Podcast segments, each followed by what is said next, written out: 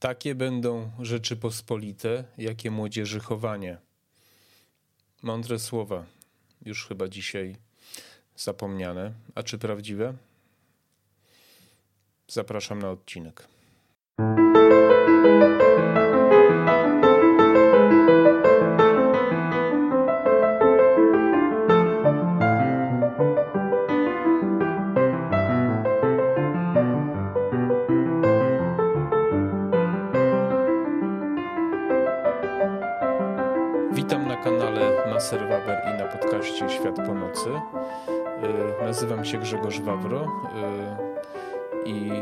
Postanowiłem mm, to powiedzieć o tym, o czym już kiedyś y, obiecałem, że opowiem o, o mojej szkole w kontekście w ogóle edukacji dzisiaj, ale też edukacji kiedyś i w ogóle edukacji.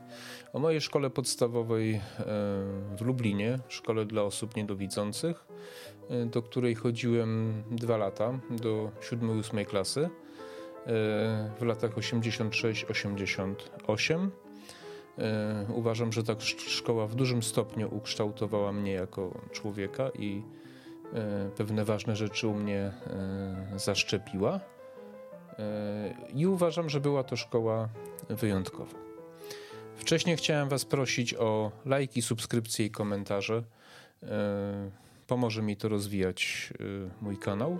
Kanał, który prowadzę wyłącznie po to, żeby podzielić się e, z moimi słuchaczami moimi opiniami e, na różne tematy życiowe, ale nie tylko życiowe. E, Również chciałbym zwrócić uwagę Wam na rzeczy, które uważam za ważne, które mają wpływ, czy też mogą mieć kiedyś wpływ na nasze życie. Wracając do tematu, ja jestem urodzony w roku 73. Część szkoły podstawowej kończyłem w takiej wiejskiej szkole, o której na razie jeszcze nie chcę mówić, bo to dość smutny temat, ale jak dojrzeję, to opowiem. E, Mam nadzieję, że kilka osób się wystraszy e, e, na samą myśl o tym, że mógłbym o tej szkole opowiedzieć. Ale na skutek, na skutek różnych y, okoliczności, y, właśnie, który, o których jeszcze nie chcę mówić, od siódmej klasy szkoły podstawowej trafiłem do szkoły dla niedowidzących y, w Lublinie, na ulicy Hirschfelda albo Szwedzkiej, ponieważ y, to był właśnie y, y, róg, można powiedzieć, tych dwóch ulic. To, e, to się wydarzyło wszystko w sposób dość taki dramatyczny, na skutek różnych właśnie e, wydarzeń bardzo dynamicznych e, i w związku z tym ten proces podejmowania decyzji, kwalifikowania mnie do tej szkoły był też dość gwałtowny. Trwało to kilka miesięcy. Pojechałem, nie wiedziałem czego się spodziewać. Zamieszkałem w internacie. No i się zaczęło. E, to, co pierwsze mm, rzuciło mi się y, w oczy, to kompletnie odmienny stosunek y, nauczycieli do, do uczniów, prawda? Y, Wszyscy byli, wszyscy, naprawdę wszyscy byli bardzo grzeczni, kulturalni, niezwykle zaangażowani, to jest bardzo ważne. E, Szkoła była połączona interna e, z internatem tak zwanym e, łącznikiem. I to wszystko się tam jakoś przenikało, prawda? Można było chodzić do szkoły zarówno w czasie zajęć szkolnych, jak też po lekcjach. Była sala gimnastyczna, były różne tam pracownie, prawda? I tak dalej, to później Wam opowiem. E, Co było, e, żeby nie przedłużać takiego wyjątkowego w tej szkole, moim zdaniem? E, Wyjątkowi byli pewnie w dużym stopniu nauczycielem. W życiu trzeba mieć szczęście, jeżeli jesteśmy na etapie kształtowania naszej osobowości, charakteru, w ogóle kształcenia się. Trzeba mieć szczę- szczęście, żeby trafić na właściwych ludzi. Od tego zależy to, czy ktoś nas czymś zainteresuje, czy ktoś nas y, wyedukuje, wykształci w danym kierunku, czy będziemy w ogóle chcieli się edukować i kształcić. Y, Moim wychowawcą był pan Siwek, y, który uczył mnie języka polskiego przede wszystkim. I powiem w ten sposób. Nie spotkałem się nigdy z taką sytuacją, żeby chłopcy, zwłaszcza chłopcy w wieku, w okresie dojrzewania, kiedy się rozglądają za dziewczynami, prawda, biegają podrywają pierwsze randki, pierwsze, pierwsze różne takie okres buntu w ogóle, prawda, żeby, żeby w takim wieku być zafascynowanym Mickiewiczem, Słowackim, e, innymi pisarzami, e, żeby należeć do kółka e, czytelniczego czy recytatorskiego, bo takie tam były. Myśmy tacy właśnie byli. Mój wychowawca, pan, pan Siwek właśnie, potrafił nas tak zachęcić do języka polskiego, do czytania, do interesowania się też trochę historią. Dużo Mickiewicza czytaliśmy, prawda? To była literatura, wiadomo, no, z okresów zaborów, prawda? E, dziady, zwłaszcza Reduta Ordona nam potrafił, on świetnie też e, recytował inscenizowaliśmy różne sceny, prawda, jakieś też kabaretowe takie robiliśmy inscenizacje, gdzieś tam znalazł coś w gazecie i, i, i z podziałem na rolę potrafiliśmy uczyć się różnych, różnych takich y, sytuacji. Y, mówiąc inaczej, myśmy z przyjemnością przychodzili na zajęcia z języka polskiego. Wyobrażacie sobie. Tak ten człowiek potrafił nas y, zachęcić do tego, do tego przedmiotu. E, to samo dotyczyło innych przedmiotów. No oczywiście pewnie skłamałbym, gdybym powiedział, że wszyscy byli genialni nauczyciele.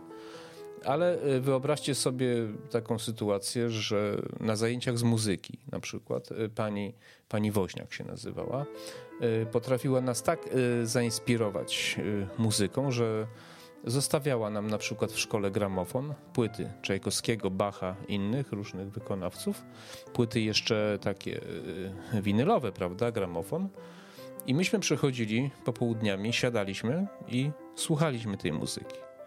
Po prostu. Y, pani Woźniak była osobą dość y, taką pobudliwą, mówiąc delikatnie, potrafiła, jeżeli ktoś był niegrzeczny albo coś zrobił nie tak, potrafiła przez okno wyrzucić jego zeszyty z piórnikiem razem, prawda? I trzeba było iść i sobie zbierać, ale jednocześnie była osobą zaangażowaną, której zależało y, na tym, żeby nas y, nauczyć mm, wrażliwości muzycznej. I to się sprawdza.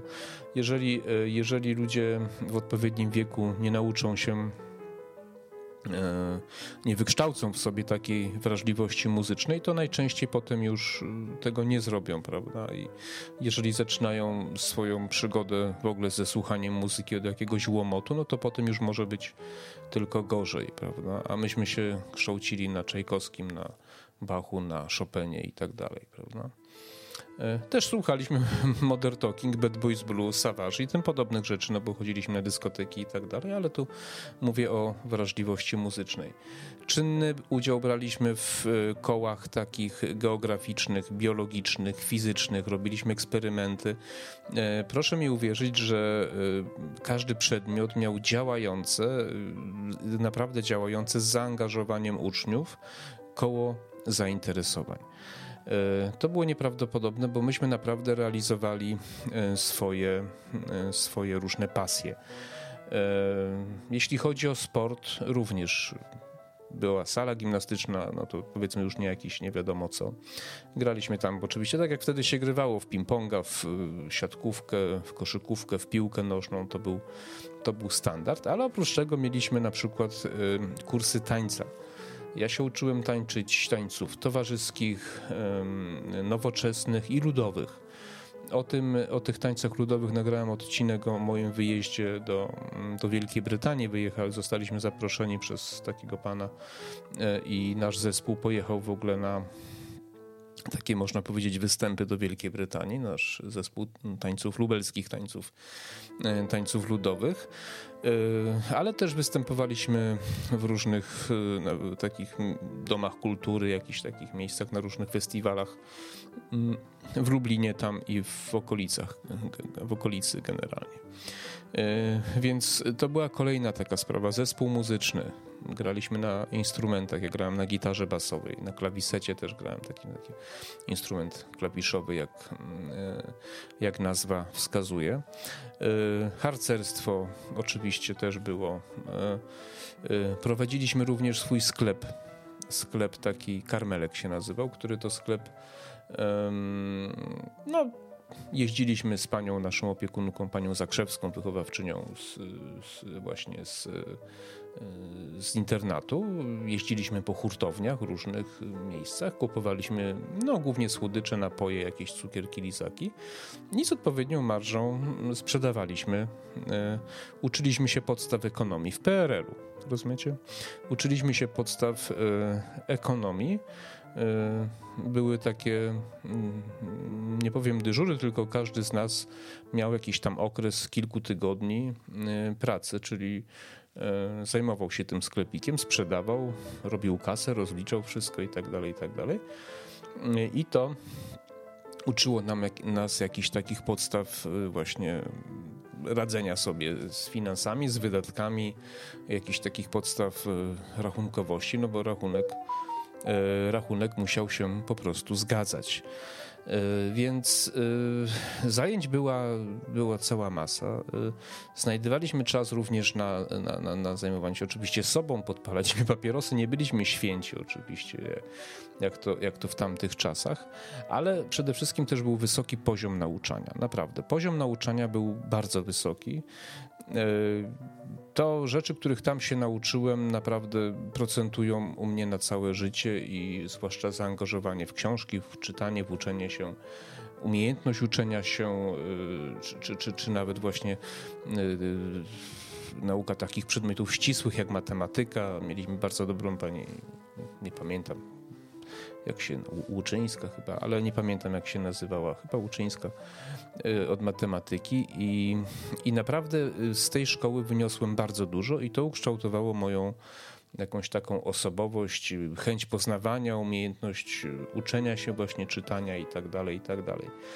E, no, mógłbym jeszcze długo opowiadać oczywiście o różnych e, fajnych rzeczach, ale e, chciałem wam powiedzieć właśnie o tym dlatego, że uważam, że my dzisiaj, pomimo, że już to nie jest znienawidzony przeze mnie okres PRL-u, tylko niby czasy są lepsze i i no, teraz to nie jestem taki przekonany, ale powiedzmy, że jeszcze lata 90. do 2010 roku można powiedzieć, że żyliśmy we w miarę wolnym państwie. To ten poziom, moim zdaniem, nie był tak wysoki jak wtedy. E, wtedy rzeczywiście, jeżeli kończyło się szkołę, to się coś sobą reprezentowało. Jeśli kończyło się technikum, to się rzeczywiście coś sobą reprezentowało. I liceum, i tak samo studia wyższe.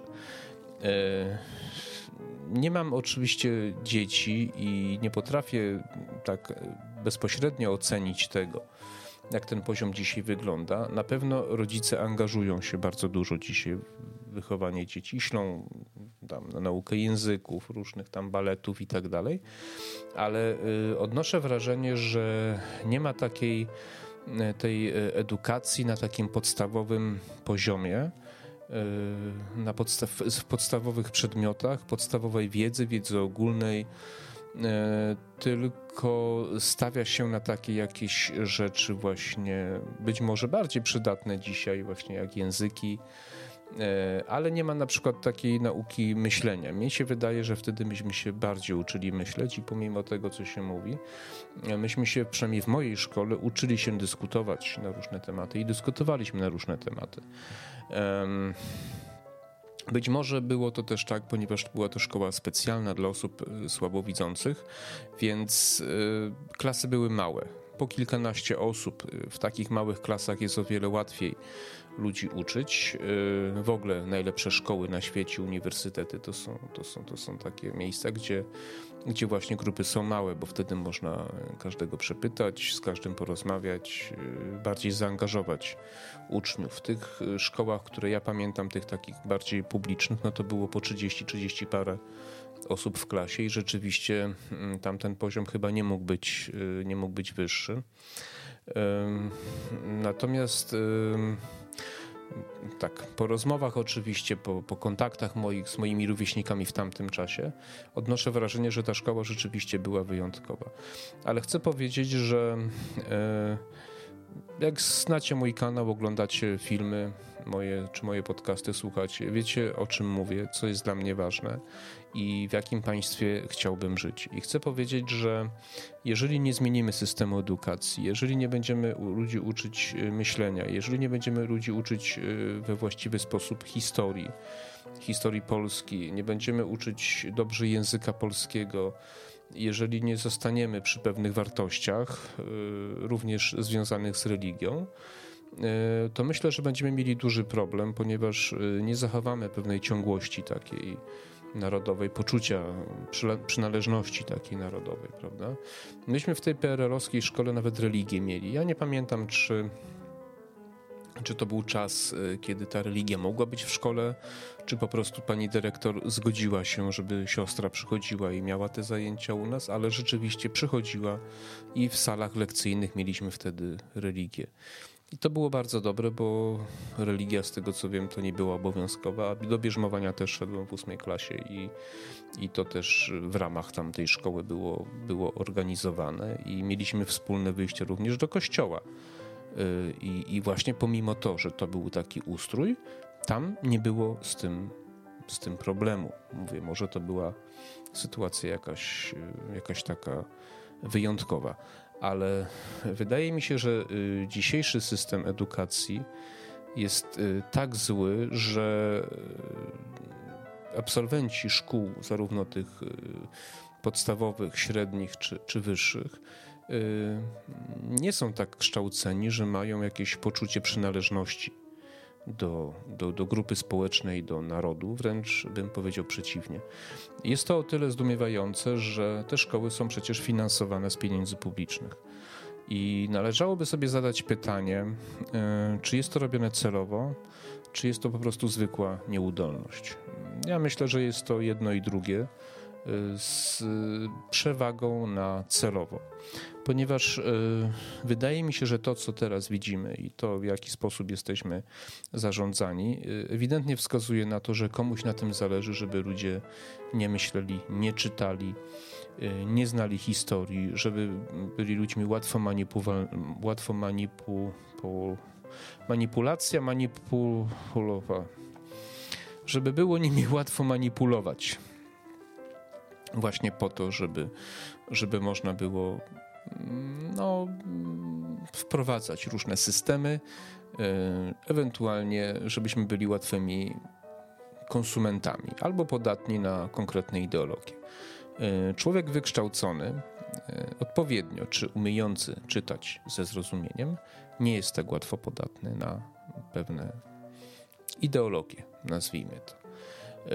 Człowiek, który przeszedł pewną ścieżkę edukacyjną, potrafi właśnie czytać ze zrozumieniem i trudniej mu wciskać kity różnego, różnego rodzaju. Dlatego uważam, że jest to powiązanie z y, celowości z nieudolnością. Finansowanie, zarobki, y, w dużym stopniu feminizacja to ma bardzo duże znaczenie w kształceniu mężczyzn i kryzysu mężczyzn w Polsce. Y, feminizacja tego zawodu 95% to są kobiety. Ja nie mówię, że to źle, że są kobiety, tylko że są zaburzone proporcje, prawda? E, ja pamiętam, w tej szkole mieliśmy pana właśnie Siwka od e, języka polskiego, był pan od geografii, oczywiście był WF-ista, byli wychowawcy też w internacie. Pań było więcej, ale te proporcje nie były aż tak, aż tak zaburzone moim zdaniem, jak, jak teraz. Można było z nauczycielem mężczyzną porozmawiać jak z mężczyzną, prawda? I często to y, robiliśmy. Mieliśmy również zajęcia wtedy już w 1988 roku z seksuologii. Mieliśmy poza, poza, poza y, lekcyjne takie spotkania z panią seksuolog wtedy, która nam różne ważne rzeczy tłumaczyła, prawda? I, i nikt nie widział w tym y, żadnego problemu. Była i religia, i to było, i, i te rzeczy mogły koło siebie y, wspólnie y, istnieć po prostu. Więc myślę sobie tak, już zbliżając się do końca tego, tego odcinka, że jeżeli nie zmienimy jakiegoś radykalnie, a w zasadzie jeśli nie zaoramy tego systemu edukacji, który mamy i nie zbudujemy go na nowo, na nowych wartościach, to możemy mieć problem z zachowaniem pewnej ciągłości takiej mm, narodowej po prostu, nie? czyli państwowości w ogóle, ponieważ y, młode pokolenia, którzy, które wchodzą w dużym stopniu nie, nie identyfikują się z miejscem, w którym żyją, w którym się urodziły. I to jest smutne i, i groźne, uważam, bo pewnie prędzej czy później wszyscy za to zapłacimy i zwłaszcza ci, którzy którzy tak właśnie się mm, zachowują. Jest to wina edukacji, ale również y, rodzi, rodzin, rodziców, którzy, którzy to rodzice nie, nie przekazują właśnie pewnych treści. Myśmy byli w innej sytuacji.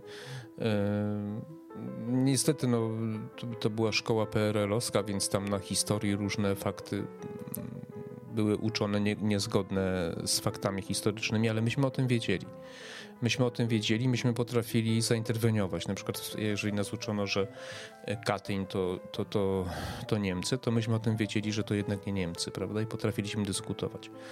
E, no ja nie mam pewności, czy dzisiaj tak uczniowie potrafiliby dyskutować. Może napiszecie w komentarzach, jak to wygląda. Jeśli macie dzieci, macie doświadczenia jakieś, też nas przekonywano, że warto się do partii zapisać na wychowaniu wiedzy o społeczeństwie.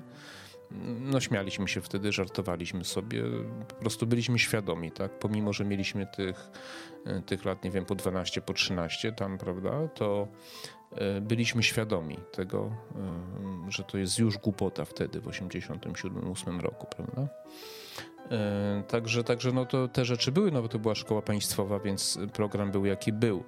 Mm, natomiast, y, natomiast myśmy jakoś tak byli bardziej odporni, ale właśnie przez to, że w naszych domach często gdzieś ta wiedza była przekazywana. Dzisiaj y, mam wątpliwości co do tego, czy, czy tak jest, niestety. I to mnie bardzo martwi, ponieważ y, zarówno na poziomie tym podstawowym, jak i średnim, jak i wyższym, uważam, że mamy bardzo niski poziom edukacji. E, I, i, I jeżeli to się dalej utrzyma, to myślę, że za to zapłacimy bardzo, bardzo wysoką cenę prędzej czy później. A, a to chyba się nie zmieni, jeśli nie dojdzie do jakiegoś poważnego tąpnięcia takiego tutaj w całym tym naszym systemie europejskim, prawda? W ogóle polityczno-gospodarczym. No, to chciałem się podzielić e, moimi wrażeniami. Jeszcze raz powiem, że e, dobra szkoła to podstawa, a tamta szkoła, do której chodziłem, była bardzo dobra. Szkoła w Laskach też była bardzo dobra. Nagrałem też odcinek, jak jesteście zainteresowani. E, I myślę, że jeżeli wasze dzieci dopiero wybierają się do szkoły, to myślę, że warto postawić na dobrą szkołę, na dobrą edukację.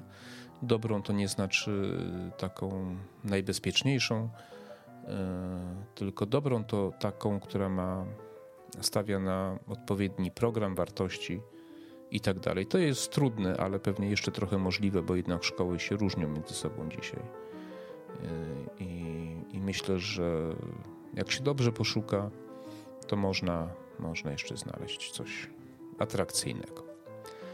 E, dziękuję Wam za uwagę. E, zapraszam do lajkowania jeszcze raz, do subskrybowania mojego kanału i do komentarzy. Zapraszam na kolejne odcinki. Cześć.